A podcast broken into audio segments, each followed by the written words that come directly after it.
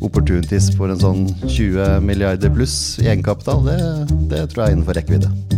Vi føler også at det er litt nye tider og nye priser. og Det er jo ikke sånn at selv om Fredriksen-familien er eiere, så kjøper man eh, til høye priser.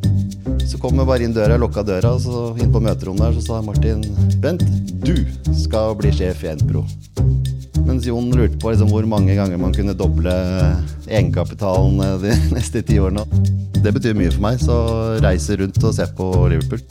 Men jeg fikk jo, har jo vært på alle andre Champions League-finaler i ettertid. Bak fasaden med DJ og Rønne. En podkast fra Estate Media. Velkommen til Bak fasaden med DJ og Rønne. Jeg heter Dag Jørgen Saltnes og har vanligvis med meg min kollega Silje Rønne i denne podkasten. Men hun tilbringer tiden med sin lille datter, så da må dere slite med meg aleine denne gangen også. Eller helt alene er jeg ikke. For dagens gjest det er eh, en av de mest omsvermede eiendomstoppene i Norge for tiden. Han passer nemlig på Fredriksen-familiens pengebinge i eiendom her i Norge. Velkommen til Bent Ostad, administrerende direktør i Norwegian Property. Tusen takk. Det er veldig hyggelig å bli invitert. Jeg har jo hørt på podkasten deres lenge og kom til episode 50 omtrent, så Ja. da begynte det å bli plass. Det var gøy. Det er bra. Eh, altså jeg sa akkurat at du var omsverma. Og jeg vil jo tro at dere får ganske mye henvendelser fra eh, eiendomsselskaper og investorer som kanskje ønsker å selge eiendommer til dere. Ja, og det har vi jo merka egentlig Jeg har vært her nå i fem og et halvt år og har merket det litt hele tiden, men mer nå i det siste. Eh, man har jo en eier som har mye kapital og har uttalt ønske om å vokse, så blir det jo litt sånn. Men eh, vi føler også at det er litt nye tider og nye priser. Og det er jo ikke sånn at selv om Fredriksen-familien er eiere, så kjøper man eh, til høye priser. De er opptatt av pris. Ja, det er, ja. ja for det, det begynner å bli noen år siden alle næringsliv, næringslivsavisene skrev om Fredriksens krigskasse. Eh, og eh, så har det jo vært flere artikler som antyder at eh, større del av kapitalen hans skal jobbe innenfor eiendom og litt andre, andre ting enn den tradisjonelle shipping og offshore, som han har gjort mye i. da. Eh, og, eh, så, så er dere på kjøperen, og hvor mye liksom, er det dere har kapasitet til? Vi er absolutt på kjøperen, eh, og det var en del av mandatet også når jeg begynte i 2018. Ja. At selskapet skal vokse, så det skal være for neste generasjon. Uh, og den krigskassa i dagens marked den blir jo ikke akkurat mindre når man ser hvor alle, hvordan alle andre investeringer går. Eh, så den, den vokser jo hele tiden. Uh, men opportunities for en sånn 20 milliarder pluss i egenkapital, det, det tror jeg er innenfor rekkevidde. Ja, da, da, må da må du kjøpe, kjøpe stort, da. Ja da, men man har ikke hastverk. Så Nei, Nei for det, det er litt rufsete der ute. Altså, jeg tror jeg prata med deg i forbindelse med en kvartalsrapport, så sa du at eh, du aldri hadde fått så mange henvendelser fra aktører som ville selge til deg. Er det fortsatt sånn? Det, det er fortsatt sånn, men, eh, men akkurat jeg snakket med deg sist, så var det jo at markedet har begynt å stoppe litt. Ja. eh, Og alle ville selge på en god rekordpris. Ja. Så da, da var det veldig mye henvendelser. Det er fortsatt mye henvendelser. eh, Men litt mer selektivt, og etter hvert også kanskje fra noen rådgivere innenfor finansbransjen da, som prøver å hjelpe noen. Så blir det del av strukturelle løsninger etter hvert. Da. Det ser man mer av nå. Ja, for dere ble jo med på en sånn løsning da dere kjøpte dere inn i Norder. Eh, boligutvikleren fra gamle Veidekke Eiendom. Hva var tanken bak det? Eh, tanken var at det er et segment som ikke vi er i fra før i hele tatt. Eh, og vi har egentlig ikke sånn veldig mye av den kompetansen inhouse. Eh, vår finansdirektør Håvard Rønning han var jo finansdirektør i Selvåg bolig, og så han kan jo mye om det. Eh, og kunne kjøpe det Det var en strategisk beslutning av Veidekke at de skulle ut av det. Ja. Eh, og vi følte det var en opportunity som vi regna på, og vi ble jo på veien der kjent med, med Fredensborg og Unionfondet, som vi også kjenner fra før. Og syns liksom kompetansen til å ta et så stort selskap var uh, til stede i, i det syndikatet. Uh, og så ble jo første budfristen lurer på var 11. mars 2020. Da var det liksom rett før hele Norge stengte ned. Så det i seg selv følte vi også var en opportunity. Eh, og vi følte vi fikk en fin inngangspris og veldig mye kvaliteter i selskapet. Mange flinke folk. Fin tomtebank. Eh, også da Norge-Sverige, som vi også liker, da. Som kanskje er vårt neste steg også på reisen. ja, for Sverige det, det sier meg at det kommer, kommer en del muligheter i Sverige, både på næringseiendom, men kanskje særlig på bolig, med det markedet man har der, og, og kanskje den gjelden som en del selskaper har. Ja. Og innenfor bolig og Sverige så har vi jo nå 42,5% eierandel i 10 000 tomter, så vi føler vi er godt eksponert på det svenske boligmarkedet. Og det er som du sier, det er litt tøffere nå enn det har vært øh, på veldig, veldig, veldig lenge. Men øh, det er øh, 60-70 børsnoterte svenske eiendomsselskaper. Mm. Og prisingen på børs er helt annerledes enn i direktemarkedet nå om dagen. Eh, Og børsen svinger ofte for negativ i dårlige tider og for positiv i, i gode tider. Så vi, vi ser mye på det. Og Er det aktuelt å gå inn via en emisjon, eller, eller, eller ta direkte stakes? Ja, det er, begge deler er aktuelt der. Så kan absolutt være med i emisjoner hvis man får seg en ålreit posisjon på det. Eh, Så er det jo med den prisingen som er nå, så er det ikke så mange svenske selskaper som vil gjøre nyemisjon mot nye selskaper. Nei. For da føler jeg at de går forbi dagens aksjonærer. Så Castellum kjører en stor emisjon mot dagens aksjonærer. Ja. Men klart, det er jo gjerne sånn at de må jo hente når de kan, og ikke når de må. Ja, og det er det, er det store problemet. Eh, hent, eh, eller Jeg var jo 16 år i ABG Sunna Collier, og mottoet er 'hent kapitalen når den er der'. Det, det er sjelden du angrer på at du har hentet kapital. Ja. Eh, eiendom langsiktig business, eh, hvor du bygger stein på stein. Eh, nå har du vært noen år i Norwegian Property og gjort det. Men du har jo vokst opp i et miljø også hvor det ble tenkt langsiktig, og man bygger litt eh, for, for du har vokst opp på gård, ikke sant? Ja, jeg er eh, yngstemann på en gård fra in indre Østland. Så plukka mye stein og bygd stein på stein sånn sett. Men Ja. eh, eh, vokste opp der med en eldre bror og eh, bygde opp gården fra å være egentlig et lite småbruk til å bli et veldig stort småbruk. Og bare i dag så tror jeg broren min er den Norges største kyllingbonde i tillegg. Så alt Ja, for det er han som tok over. Ja, jeg er minstemann, vet du, så Ja. da er det alltid eldstemann som tar gården. Sånn er det. Men eh, du jobba, jobba mye der, da? Eller? Ja, så faren min var jo både flyveleder og, og bonde til å begynne med, og mora mi var lærerinne. Eh, etter hvert så ble gården større og større, og det ble mer og mer jobbing på gården. Så selv med en lærerinne om bord, så fikk jeg lov til å være ute og hjelpe faren min å jobbe på gården, mens eh, mora mi skrev stilen for meg hjemme. Så Altså, det ble litt lekser òg. det ble, det ble tid til litt lekser. Har du et parkeringsanlegg som kunne funket bedre? Ta kontakt med OnePark. Vi leverer enkel og effektiv parkering, og du får fornøyde bilister og en mer lønnsom drift. Sjekk ut onepark.no. Vi gjør dine parkeringsplasser mer lønnsomme. Men eh, har du alltid jobba mye? Ja. Eh, Sånn arbeidsmoral, hvor, hvor viktig er det for deg? Eh, For meg er det veldig viktig, og det har vært veldig viktig hele tiden. Så jeg begynte når jeg var i, når var det, i 1988. Eh, Jeg er født i 1972, så jeg var vel 16 år, da, eller var 15 år. Så tok jeg meg sommerjobb her inne i Oslo, selv om vi bodde oppe på Ilseng. Og da jobba jeg i Holmenkollen turistanlegg i to år der. I 88 og i 89, sommeren der. 1990 reiste jeg til Tyskland. Jobba på en gård i to måneder der på sommeren. Og så jeg hadde jobb på bakeri, eh, hvor jeg pakka brød på natta og kjørte ut på morgenen. Og jobba på bensinstasjoner. Og jeg har alltid jobba veldig mye. Glad i, glad i å samle opp penger. Men hva var det du, hva var det du drømte om når du var barn? da?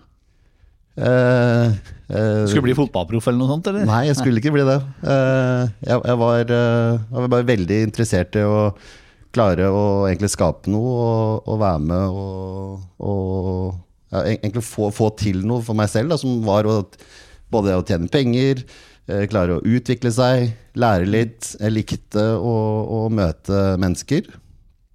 Selv om vi bodde jo veldig øde til, så var man ikke vant til å møte, møte mennesker. Man ble veldig glad når man først møtte noen. Det er I motsetning til når man bor her inne, så er det litt motsatt.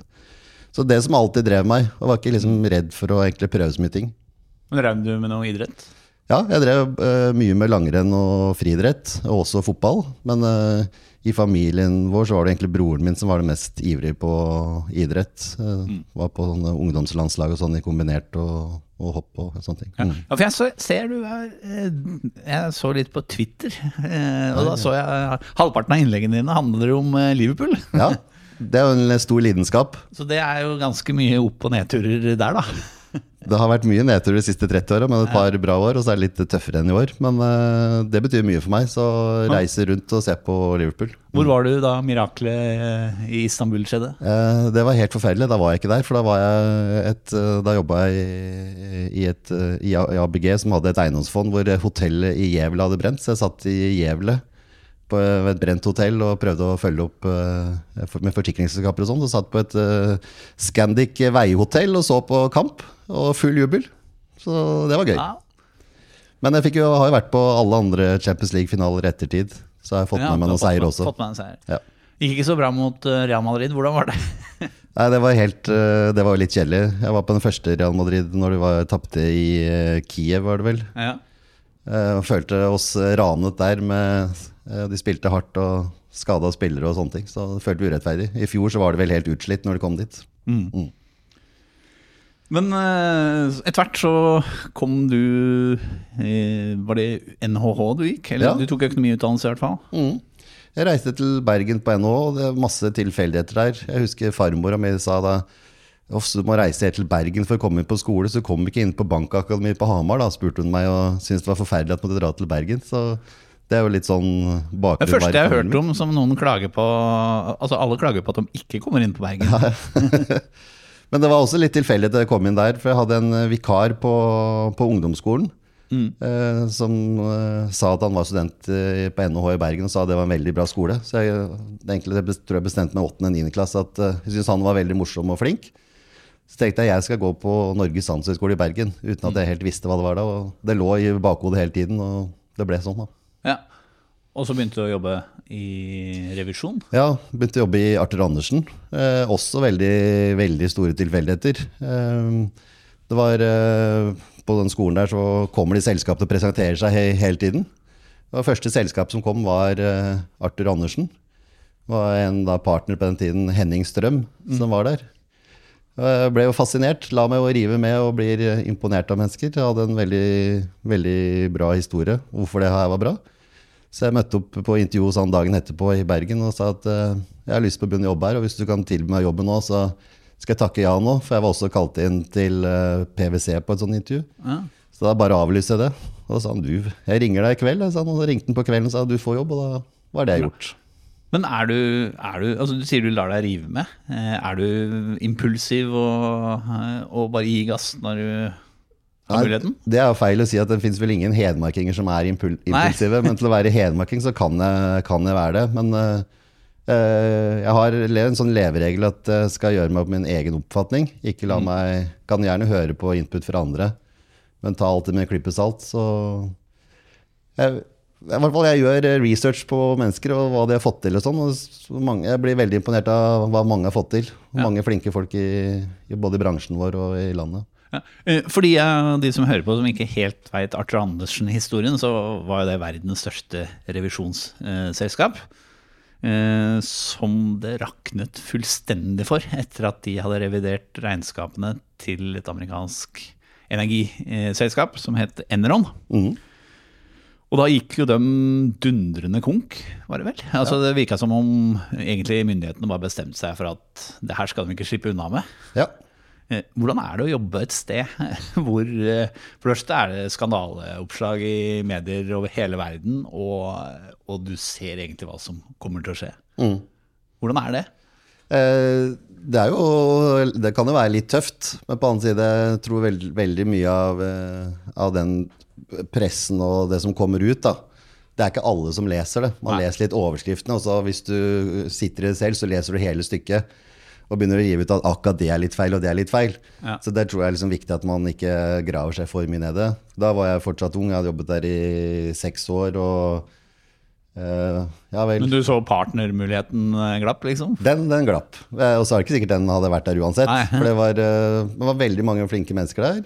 Uh, Og så da har jeg vært seks år, og når det skjedde, tenkte jeg da mista jeg litt motivasjon. Og så er det å se etter nye opportunities. da, Så var det her 2002, var det vel. Og da var det jo litt uh, dårligere marked med dotcom som hadde smelt. Men uh, da var det en mulighet hos eh, ABG Sunnaas College, så da tok jeg den. Ja, Og der begynte du å jobbe på corporate-siden, eller, eller, eller gikk du rett på eiendom? Nei, jeg, jeg begynte i, i staben, faktisk. Eh, så inn som en kontroller der til å begynne med. Eh, men så merka jeg at de som intervjua meg, var jo bare mennesker fra, fra Korpen. Eh, og det eneste sa at du, her kan det godt være muligheter for å jobbe på corporate finance, men uh, du må ikke ta jobben hvis det er bare det du vil. Så når, når den tredje personen fra corporate har vært inne og sagt det, så tenker jeg, jeg tenker at her trenger det hjelp. Uh, og så var jeg der, var der i seks måneder, så dro han som da var sjefen min, Per, per Ove Breivoll, han dro på en liten ferie. Ja. Og da sto hele Korp i døra og lurte på om vi ville begynne å jobbe på Korp eiendom, for det var et satsingsområde. Og da, da ble det sånn. Dette er lyden av norsk næringsliv. Akkurat nå tas det små og store valg som kan bli avgjørende for fremtiden.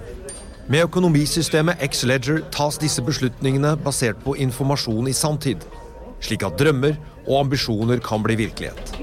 Få kontroll og oversikt, gå inn på xledger.no. Hva er det du gjorde da? For dere var de, de første egentlig som lagde ganske brede eiendomsfond, Ja. eh, vil jeg tro. Mm. Så det var jo allerede i gang, og det var jo Etatbygg Holding 1, og det var Etatbygg Holding 2, og, og Boligutleie Holding 1 begynte med svenske utleieboliger.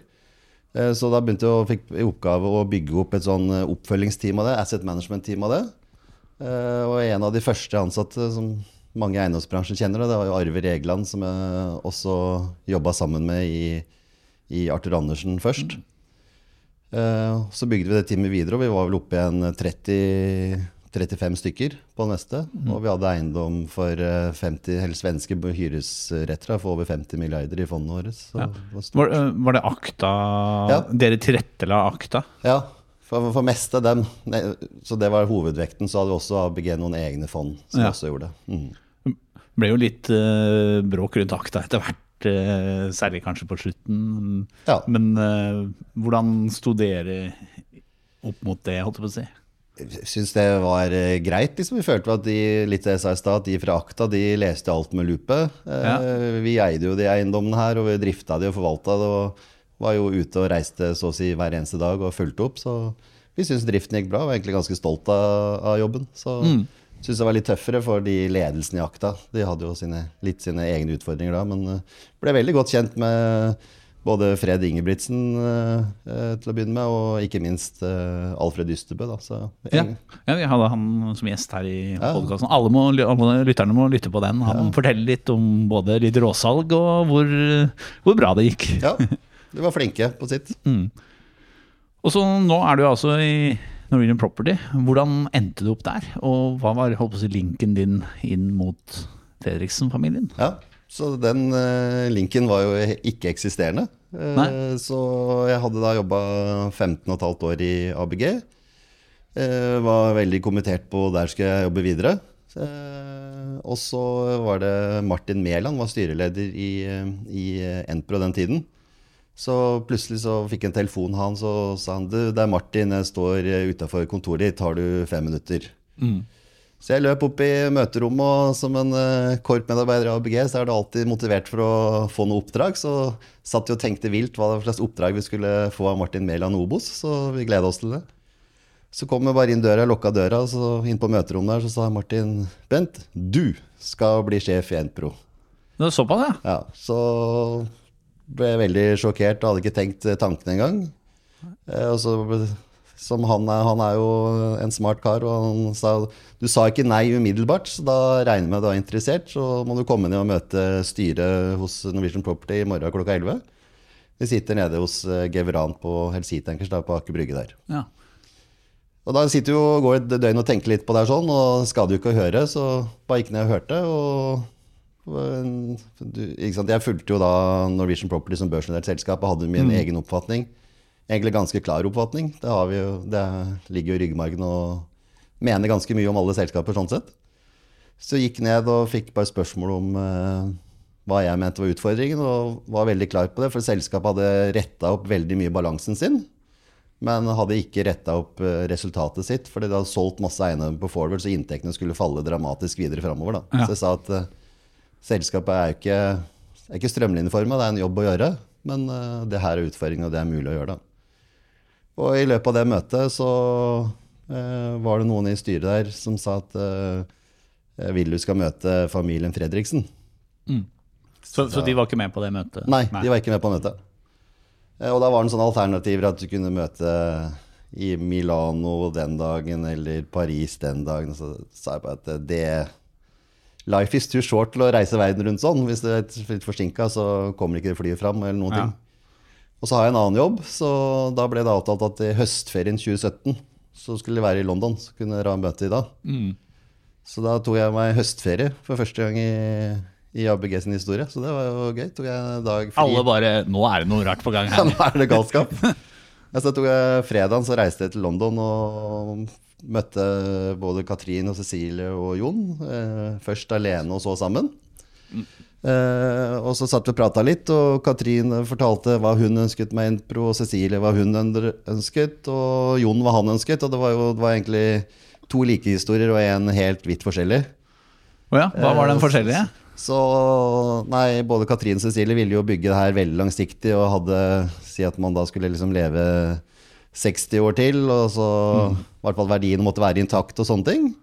Mens Jon lurte på liksom hvor mange ganger man kunne doble egenkapitalen eh, de neste ti årene. og sånt. Det, det er eh, tanktraderen eh, Ja. som kom eh, der. så det var veldig stor forskjell. Og, så jeg tok bare det opp i fellesmøtet med dem til slutt der, at eh, dere har jo en del forskjellige syn på hva dere ønsker. da. Så, så det er liksom litt viktig å bare få avklart hva man vil. For det har noe med risikoprofilen og sånn. Og da så bare svarte Jon umiddelbart at eh, nei, men eh, da må du høre på Katrine og Cecilie. Det er, jo, det er de som bestemmer det. Så de, det er de som kjører det showet på eiendom eh, fra eierne. Ja, det er, det er den strategien i hvert fall som ligger Ja. fast. Det er det. Mm. Så hva var det egentlig de solgte inn til deg? De solgte inn at de skal, det her er jo investering for neste generasjon. Ja. Eh, og jeg tror interessen til Katrin Cecilie er jo mer i eiendom, kunst, uh, istedenfor i tankaksjer og, og olje og shipping. Jeg tror Han har vel sagt at han egentlig ikke ønsker barna sine sånne svingninger og sånn, et sånt liv som han har hatt med den risikoen. Ja, uh, og han har nevnt det for meg også. så Jeg prøver jo da å så inn at det er svingninger i eiendom også, men uh, han er jo ikke helt enig i det. da, Men Men alt er relativt. alt er relativt. akkurat det. Svingningen er litt kortere. Er, er ikke så høye og dype, men mm. kanskje litt lengre. Mm. Når yrkesstolthet er standard, blir høy trivselsfaktor på arbeidsplassen en selvfølge. I Bundegruppen vet vi at det er du og jeg som kan utgjøre forskjellen. Derfor er vi så opptatt av verdigrunnlaget vårt – folk. Folkeskikk, orden, lagånd og kundefokus. Folk skaper verdier, og verdier skaper folk. Finn ut mer på bundegruppen.no. Med den bakgrunnen fra, fra da finans og eh, tilretteleggingsmiljøer og alt mulig sånn, så eh, Jeg vil jo tro at du har jo da sett ganske mange strukturer som eh, er skrudd sammen for videre oppgang, egentlig. Hva er det egentlig som skjer når syndikeringsaktørene kjøper for 70 milliarder på toppverdier i 2021? Hva er det egentlig som ligger litt bak det, tror du? Er det bare den at vi skal flippe om to år? Uh, ja, og så er det vel, det er vel litt at uh, de er flinke til å hente kapital Ja. fra mange forskjellige kilder. Uh, og de er ute og selger jo historien om at kanskje kontormarkedet skal videre opp, leiene skal videre opp, det er noe potensial. Og så snakker de med investorer nesten hele verden rundt, og de kommer med kapital. Ja, da vil jeg investere en halv milliard, eller kanskje én milliard. Mm. store beløp. Og det er litt sånn når den investoren har sagt at uh, jeg vil investere nå på den historien du har fortalt, så vil de også bruke det, da. Ja. Så Hvis du da plutselig venter et halvt år, og så har markedet gått videre, da har du ikke gjort litt det du sa. Så jeg tror du får litt bevegelse på begge sider der. Og så har de selvfølgelig, for å klare å få den høye avkastningen og med honorarer og sånn, så legger de på, på mer belåning, som Ja. da er tøft når det går nedover og fint når det går oppover. Ja. Se, har, dere, har dere kjøpt noen obligasjoner i eiendomsselskaper? Eh, Jeg har ikke gjort det i Enpro, har ikke kjøpt obligasjoner. Nei. Men eh, det er ikke noen tvil om at eh, eieren vår de liker jo også å kjøpe eiendomsobligasjoner. Har du noe med det å gjøre? Eller jobber du bare Enpro? Eller- Eh, Min jobb er jo utelukkende Enpro, egentlig, men etter at det ble privatisert, så Ja. bruker vi mer tid på også innspill til de seatanker som gjør de tradene. Da. Hmm. Og så er vel kanskje noe av, noe av diskusjonen hos familien er å få mest mulig eiendomseksponering ønsker de å ha i Norwegian Property. Ja. Eh, og så Jeg husker da eh, Det var jo eh, Fredriksen, eller Geveran, da, var vel stor eier i Entra en periode. Og også hadde de en stor eierandel i Enpro. De gikk inn da, og, og det ble jo sagt egentlig eh, at det er jo en genial måte å få en, få en stor eiendomseksponering. Fordi du får jo du kjøper egenkapitalverdien, og så har de eh, en eh, gjeldsfinansiering som gjør at de har veldig mye mer eiendom. Eh, og så blir jo spørsmålet da Jeg vet ikke om du vil svare på det, men eh, nå har vi, har vi jo Entra er jo på en måte nesten litt i spill når du ser de utfordringene som de to største eierne sliter med. Eh, og så er jo spørsmålet liksom et generelt spørsmål da, er eh, Ser dere på sånne muligheter, både blant norske og svenske selskaper? Jeg må stille det sånn, sånn at du faktisk kan svare på det. Jo, jo, men Det er jo helt klart, og det er en viktig del av jobben. Hvis Mm. ikke vi hadde holdt oss orientert og sett på alle sånne ting, så vil jeg si jeg ikke hadde gjort, gjort eh, jobben min. Ja. Så det er en viktig del av mandatet. Eh, og så tenker jeg bare at uh, det er mange som sier akkurat som du sier nå, at uh, de er i spill. Jeg tror Hvis du snakker med Balder og Castellum, da, så føler ikke de at de er i spill, tror jeg. Nei, på den og, og det, men ting er jo ikke i spill før det er i spill. Nei, ja.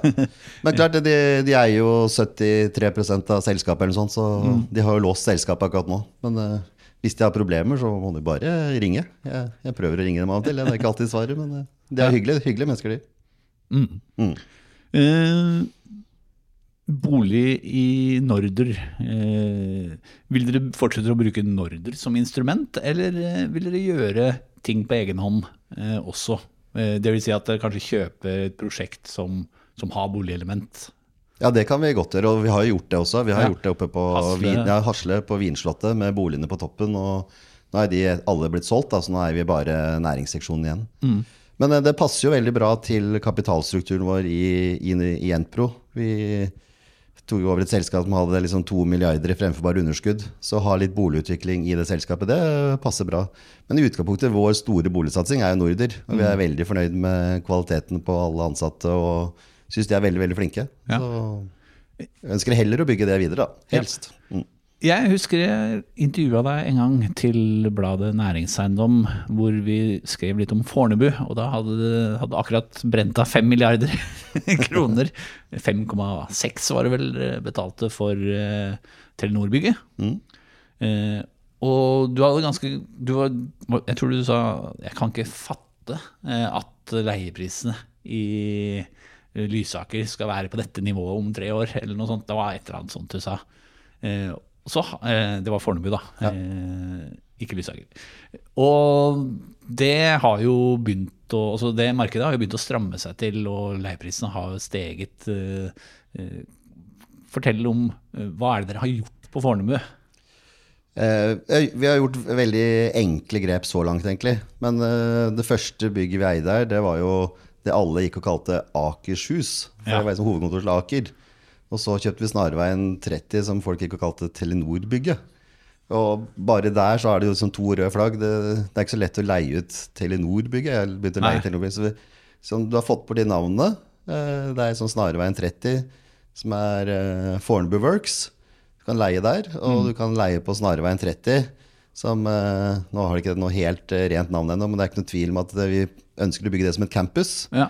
Et stort campus. Der har vi store leietagere med ABB, vi har Tieto Evry, vi har eh, Telenor Norge og vi har Telenor Group, som er to egentlig forskjellige selskaper, selv om de eier, eh, eier hverandre. Og der er det store leiesøk på Fornebu. Syns eh, det er attraktivt. Og hele vår visjon er jo å skape engasjerende møteplasser. Og det er vår store visjon også selvfølgelig da på Snarveien 30. Og vi er i gang med den jobben. Eh, Og så tar det litt lengre tid, for eh, kanskje ikke de atrene som er der nå er helt optimale, men nå begynner vi å få en ganske sånn fin modell og hva som er mulighetene. Og vi ser at det produktet vi tilbyr ut, er attraktivt. Så vi, vi har veldig mange visninger. Jeg tror bare siste måned at vi har hatt syv visninger for leietagere på si 3000 kvadratmeter oppover. Bare på Snarveien 30. Så det er ikke sånn at alle bare skal til sentrum. Nei. Nei, det er det ikke. Men klarer dere å bygge en eh, holdt på å si, urban eh, plass der? En urban by, på en måte? Ja, det er en stor ambisjon og føler oss veldig komfortable, på at det skal vi klare. Eh, og så Det blir ikke sånn at det blir en kopi av Aker Brygge eller eh, kopi av andre ting. Vi må bygge det særegne der. Du får eh, landlige omgivelser, kan du få. Du får Norges største natur... Nei, ikke Norges største, men et stort natur, Oslos største naturreservat eh, i nærheten. Fine grøntområder. Du har hav, havet rett ved siden av. Du har infrastrukturen. Uh, alle går og venter litt på den uh, T-banen. Den er jo godt i gang. Den største, største plassen, eh, største stasjonen, er jo på trappa inn til Snarveien 30. Eh, Så det tror jeg blir veldig bra. Men i dag så er det jo et rullende, rullende bussnett ut der. Det er nesten rullende fortau ut der. Det går jo busser hele tiden. Så vi gjør sånne enkle ting med å sette opp tidtabeller inne i resepsjon, resepsjonen så ser når går bussene, selv om det går hvert tredje minutt. da. Ja. Så går, du trenger ikke å vente lenge der. Nei. Så vi tror det skal bli bra. Eh, Yes. Så er det å få på mer og mer restauranter og, og litt aktiviteter, så man får liv i, i bygget. da. Marerittet vårt er jo å ha et bygg som lever fra åtte til fire. Ja, det blir Men jeg har inntrykk av at mange bydeler egentlig begynner Du begynner sånn med at det er en kontorørken, på en måte, og så skal du bygge da byen rundt. Og det, det er jo ganske krevende, egentlig. Ja, det er, det er veldig krevende, men husk på at her Obos er jo godt i gang med å bygge veldig mye boliger. Ja. Det skjer jo mye på rundt Telenor uh, Arena. Det skjer jo veldig mye i, i hele Aker-kvartalet med Tech-huset. Du har jo nye eiere på gamle IT Fornebu. Så det er jo mange, mange krefter som drar i samme retning. Du har Selvo Bolig som bygger masse boliger ute ved endestasjonen. Så Ja. KLP er der. Det, det, det ser Kommer bra vel et akvarium òg etter hvert. Ja, det kan hende det. Det. Det må nesten høre med Olav og Fredrik Selvåg om. Ja. Hva er det du gjør når du ikke tenker på hvordan du skal videreutvikle verdiene i Norwegian Property? Mye av tiden går til det, men ja. jeg har jo to barn som jeg elsker å følge opp. Så du spurte om min idrettskarriere, den ble jo dårlig, men eh, de er jo veldig ivrige på idrett. Så lenge jeg får lov til å være med dem, så er jeg med på det. En som spiller håndball, en som spiller fotball. Ja. Så det liker jeg. Eh, Så har vi jo, har jo eh, kone. Og ja, det er det. Det er mye jobb, det er det. Men er det, hva er det som gjør deg forbanna, da? Og blir du forbanna? Jeg mener selv at jeg ikke blir forbanna, men alle mine ansatte sier at jeg har, at jeg har evne til å bli, til å bli veldig direkte. Og det tror jeg nok at jeg er. Jeg er ganske direkte. Og det lærte vel allerede i eh, Arthur Andersen, som var innom her da vi begynte.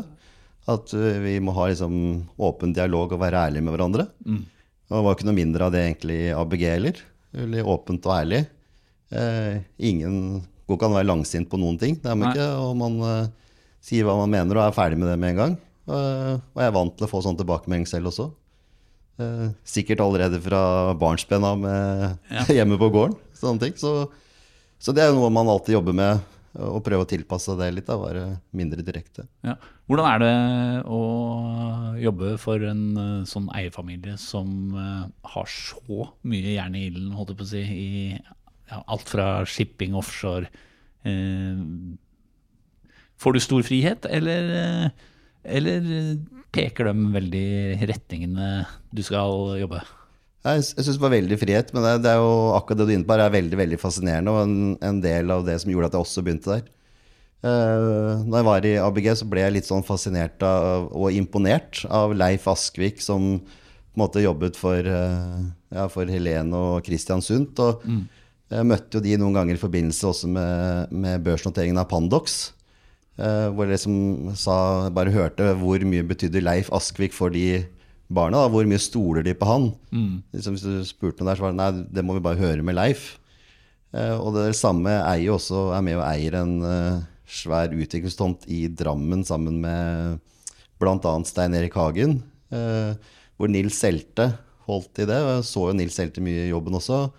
Og jeg hørte jo både fra barna til Stein Erik og fra svigerbarn at liksom, det vi må høre med Nils. Eh, Så liksom, hvordan de stolte på og, og, og liksom la, la vekt på hva han sa. da. Så det var litt fascinerende. Så når da liksom eh, Martin Mæland spurte om jeg ville jobbe der, så tenkte jeg at det er jo kanskje den familien som er aller mest fascinerende eh, å kunne jobbe for å hjelpe. Og de, de dirigerer veldig lite. De har jo alltid noen ønsker. Eh, de spør veldig om hva, hva jeg mener om det, hva jeg tror på det. Og før vi gjør investeringer, så får jeg alltid det veldig direkte spørsmålet at eh, da mener du det er det beste vi kan gjøre, Bent. Så du, du føler jo liksom at du, du må ta ansvar. Det er ikke vits å komme med noe utspill uten at Nei. du virkelig tror på det selv. Eh, Og det, det syns jeg er veldig ålreit. Så Katrine er jo mest in eh, involvert i selve driften.